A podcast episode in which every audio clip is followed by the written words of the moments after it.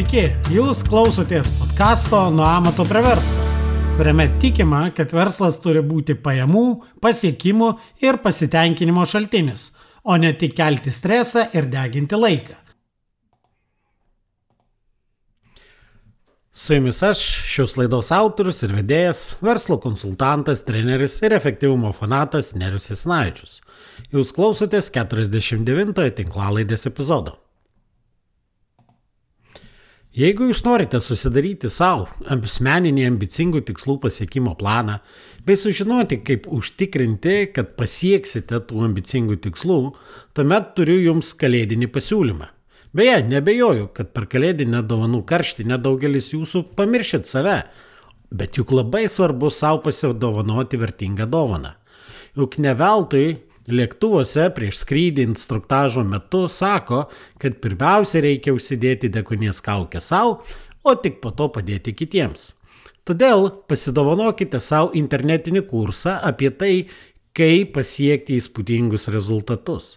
Šis kursas paruoštas pagal pasaulinio bestsellerio tik vienas dalykas autorių metodika. Šios metodikos autorius ne tik parašė knygą, bet jis ir yra didžiausios pasaulyje nekilnojamo turto agentūros steigėjas ir vadovas. Įsigykite šį video kursą už ypatingą kalėdinę kainą dabar ir galėsite jį žiūrėti jums patogiu metu. Galit pradėti žiūrėti iš karto, o galite pradėti žiūrėti ir po visų naujametinių švenčių kaip jum patogiau. Kurso įrašas įsigijusiems bus prieinamas iki sausio pabaigos. Galbūt nuspręsite, kad šitas kursas tai yra puikiai dovana ne tik tai jums, bet kam nors iš jūsų artimųjų ar draugų. Todėl nedelskite ir pasinaudokite kalėdinių pasiūlymų. Daugiau informacijos apie šį kursą rasite www.amverklubas.lt pakrypęs brūkšnys kalėdos. Nuoroda į šitą kursą taip pat bus publikuota šito epizodo aprašyme. Ambicingų tikslų pasiekimo planas yra labai svarbus įrankis. Aš pastaruosius keletą mėnesių didžiausią savo laiko dalį dirbau su klientais, padėdamas jiems susidaryti ambicingų tikslų pasiekimo planus. Teko padirbėti ne tik prie ambicingų įmonių strategijų, bet ir prie ambicingų žmonių asmeninių tikslų. Ir būtent tokio plano sudarimas reikalauja labai daug galvojimo ir susitelkimo. Tai nėra lengvas procesas, tačiau rezultatai visada atperka įdėtas pastakas. Klientų nuomonė, vienas didžiausių tokių sudarytų planų privalumų ir naudų tai yra atsiradęs aiškumas. Aiškumas, ką reikia daryti, kokie darbai yra prioritetiniai Tačiau taip pat tai duoda aiškumą, kad viskas, ko nėra tame plane, tai yra tik tai trukdžiai, kuriems reikia kuo dažniau pasakyti ne. Kaip ir versle, taip ir asmeniniam gyvenime, sugebėjimas pasakyti ne yra labai svarbus asmeninių ar verslo tikslų pasiekimui. Todėl aš noriu šiandien su jumis pasidalinti vienu iš savo straipsnių, kurį rašiau žurnalui Verslo klasė. Ir straipsnis vadinasi Te tampa ne, naujuoju taip. Net jei visi keliai vestų į Romą, kuomet mūsų protas neapsisprendęs, pastoviai besiplaškantis ir nesusikaupęs, mes niekuomet nepasieksime savo tikslo. Tokį aforizmą perskaičiau viešbučio kambaryje padėtoje aforizmų knygelėje, kuomet kolegų efektyvumo konsultantų kvietimu buvau nuvykęs į Kiniją konferencijoje skaityti pranešimą. 47-ame tinklalaidės epizode visiems klausytojams linkėjau mažiau pasitikėti įvairiais ekonomistais, astrologais, o labiau pasitikėti savimi. O šiame epizode noriu palinkėti kuo mažiau blaškytis ateinančiais 2024 metais. Beje, fokusavimusi tema tikrai nėra nauja mano klausytojams. Beje, Brian Tracy yra pasakęs, kad net vidutinio intelekto žmogus, turintis aišku tikslą ir konkrečią jo viziją, bei tinkamą planą jiems pasiekti, visada aplenks genijų tų dalykų, tai yra tikslo ir plano neturinti. Vienas iš tokių fokusuotų pastangų pavyzdžių galėtų būti alkoholio reklamų dingimas iš žurnalų ir iš spaudos.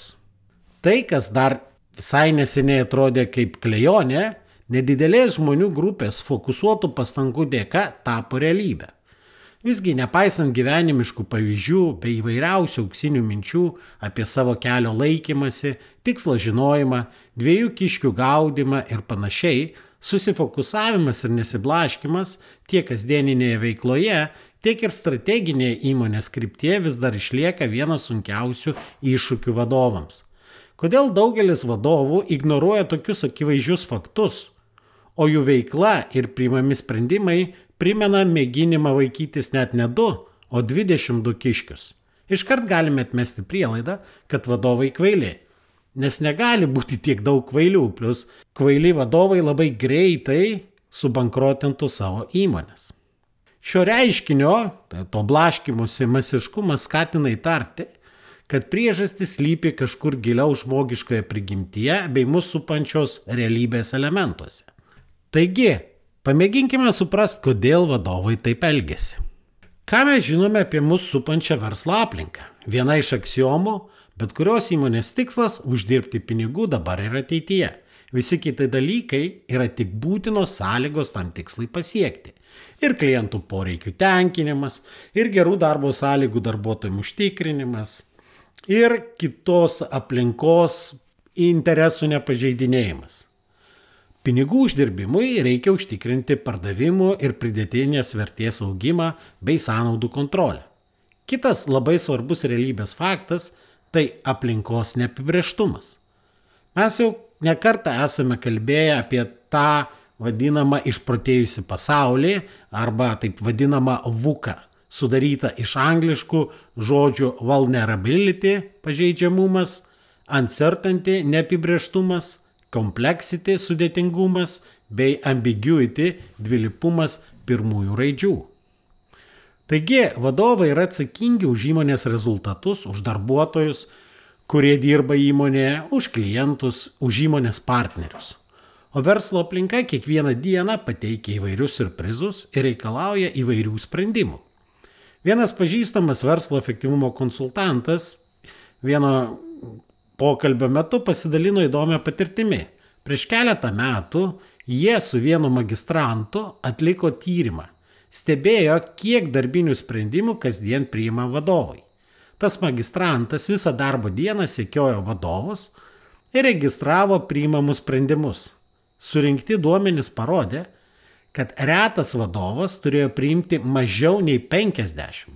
Taip, taip, 50 darbinių sprendimų per dieną. Tai apie kokį susikaupimą ir susifokusavimą mes galime kalbėti.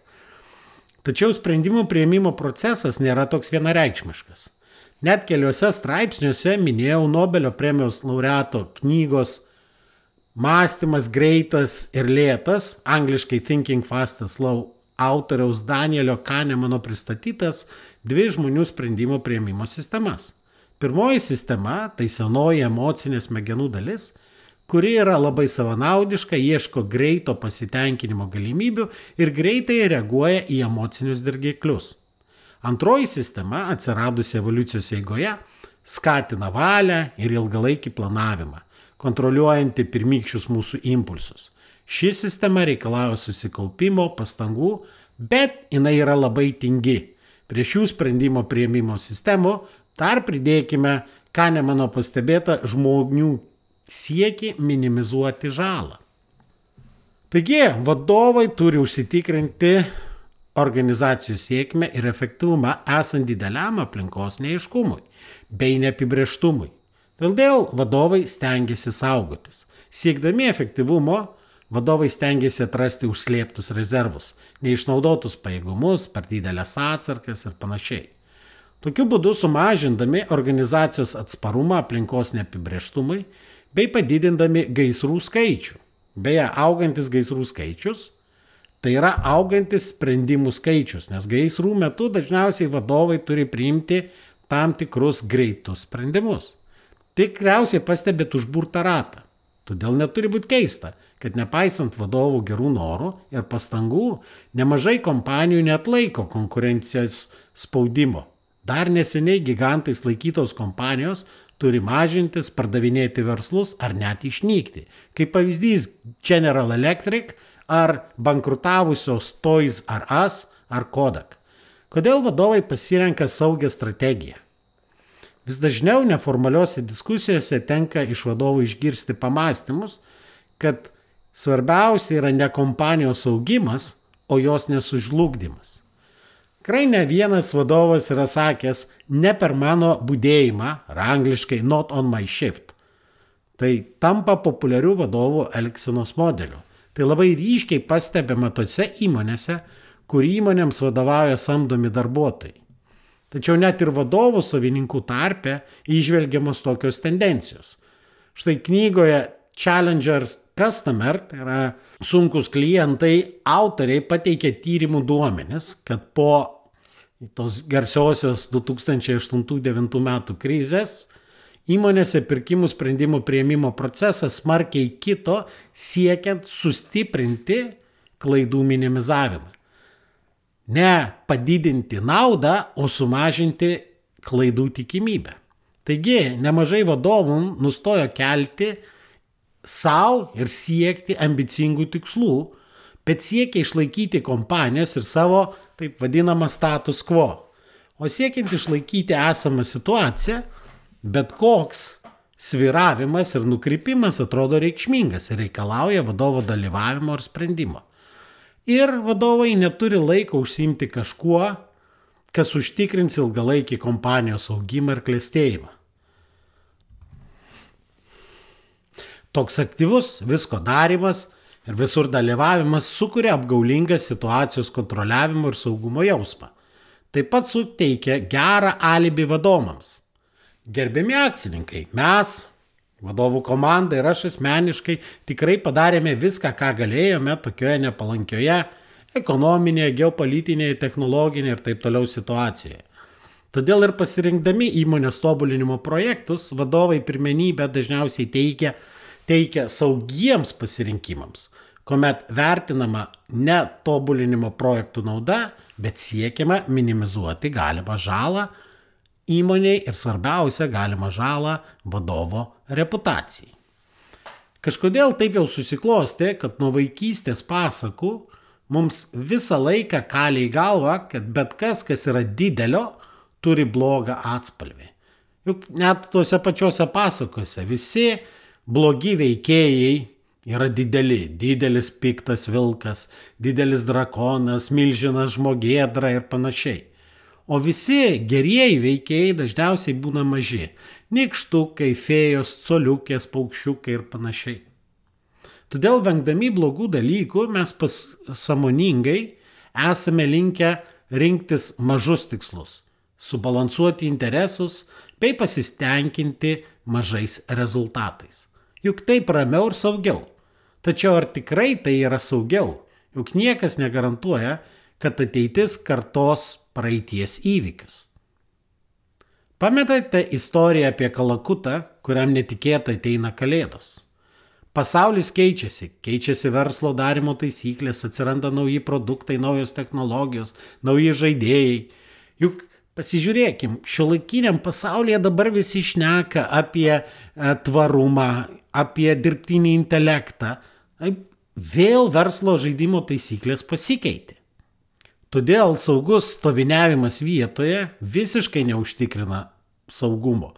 Tai dažniau toks saugus įmonės vystimasis labiau kvepia stagnacija. Ir bet kurią akimirką jūs gali aplenkti kažkoks išprotėjęs konkurentas. Vienintelis dalykas, kuris gali užtikrinti ilgalaikį įmonės klėstėjimą, tai yra ilgalaikio konkurencinio pranašumo sukūrimas, jo išnaudojimas ir palaikymas. Ir apie tai aš nekėjau ne vienoje savo tinklalaidės laidoje. Taigi ateinančiais 2024 metais sutelkite visą savo įmonės komandos dėmesį į esminio konkurencinio pranašumo sukūrimą ir išnaudojimą. Tiesiog paranoiškai neleiskite nuo jo nuklysti tol, kol jis nebus sukurtas nuo šito tikslo. Ir kalbu net ne apie prioritetų sąrašą, o griežtą visos komandos susitarimą ne tik dėl to, ką būtina daryti, bet ir dėl to, kad nieko kito nedarysime. Štai Elgi anksčiau laidose minėtas Nasimas Talebas savo knygoje Antitrapumas kalba apie vieną svarbių, svarbiausių elgsenų, taip vadinamą vyje negatyvą. Nes neretai neteisingų veiksmų atsisakymas duoda daugiau naudos nei teisingų veiksmų darimas. Apribojimų teorijos kuriejas dr. Elijahu Goldratas sakydavo, fokusavimas įsireiškia teisingų dalykų darimą ir, kas daug svarbiau, yra nedarima jokių kitų dalykų. Daugiau veiksmo nereiškia geresnio rezultato. Todėl nebijokite didelių tikslų ir fokusavimuose siekiant jų. Jeigu svarstote, kurį kelią pasirinkti, vadinasi jūsų tikslas nepakankamai ambicingas. Kai yra iškeltas ambicingas tikslas, dažniausiai tai reiškia, kad egzistuoja tik vienas kelias, kuris galbūt dar ir neužtikrins to tikslo pasiekimą, bet visada aišku, kad nei vienas kitas kelias tokio ambicingo tikslo nepadės pasiekti. Išsikėlę tikslą ir numatę būtinus žingsnius tikslui pasiekti, vadovaukitės labai paprasta taisyklė. Kol nepadariau užduoties reikalingos tikslo pasiekimui, visa kita yra tik tai trukdžiai. Taip, aš puikiai suprantu, kad tų trukdžių bus daug, bet jie yra tiesiog trukdžiai. O trukdžiai negali būti svarbiau už tikslo siekimo veiksmus. Iš Lietuvoje veikiančių kompanijų pirmas į galvą ateinantis fokusavimosi pavyzdys - tai mobilaus ryšio kompanija Tele2. Nuo pat atsiradimo Lietuvos rinkoje iki neseno laiko šios įmonės vadovai visą dėmesį buvo sutelkę į efektyviausiai veikiančios telekomunikacijų įmonės sukūrimą. Labai efektyvūs procesai užtikrina mažiausią kainą, į tai jie ir fokusavosi ir savo veiklos pradžioj, ir ilgą laiką po to, kad klientam galėtų suteikti kuo geresnės paslaugas už kuo žemiausią kainą. Ir mes turime savo pasakyti, kad ne tai yra naujasis taip. Neveltui sakoma, parodyk savo kalendorių ir aš pasakysiu, kas tau yra svarbu. Juk mūsų dėmesys pastangos ir laikas yra svarbiausias žmogaus išteklis, kurio nei pasiskolinsi, nei nusipirksi. Ar tikrai tą laiką mes skiriame, per tą laiką mes savo dėmesį skiriame tiem dalykam, kurie mums ir mūsų tikslams yra svarbus. Aš žinau, kad yra labai daug motivacinių kalbėtojų ir autorių, kurie kalba apie būtinybę būti pozityviu ir vengti žodžio ne. Reiktų vis, viskam sakyti taip. Tačiau žodį taip reikia vartoti labai labai atsargiai. Juk kiekvieną kartą, kai jūs garsiai ar tyliai pasakote taip darbams ar užduotims, kurios nertina jūsų prie tikslo, tuo pat metu jūs sakote ne savo tikslams ir svajonėms. Ir visiškai nesvarbu, ar tai verslo vystimo darbai, ar tai asmeninių tikslų siekimas, bet jūsų tikslai kažkur nutolsta, nes jūs pasakėte taip, ne savo tikslams. Taigi, jeigu ankstesnėme epizode linkėjau nustoti optimizuotis, labiau pasitikėti savimi ir stiprinti organizacijų antitrapumą, tai dabar noriu jums palinkėti ir savo taip pat palinkėti dažniau sakyti ne tiems žmonėms, kurie nori pasinaudoti jūsų laiku savo tikslų siekimui. Išmokite pasakyti ne ir tiems darbams, kurie nėra būtini jūsų asmeninių ar jūsų įmonės tikslų pasiekimui. Ir kiekvieną dieną pradėkite su mintim. Kol nepadariau užduoties reikalingos tikslo pasiekimui, visa kita yra tik trukdžiai. Nes kiekvieną kartą, sakydami ne trukdžiams jūs sakysite taip savo tikslam. O kad geriau susidaryti savo tikslų pasiekimo planą, algi noriu priminti savo kalėdinį pasiūlymą internetiniam mokymui apie tai, kaip pasiekti įspūdingų rezultatų. Daugiau informacijos apie tą kalėdinį pasiūlymą rasite www.amverklubas.lt pakrypęs brūkšnys kalėdos arba tą nuorodą rasite ir šito epizodo aprašyme. Tai šiam kartui tiek ir susigirdėsime kitame epizode. Dėkoju, kad klausėtės.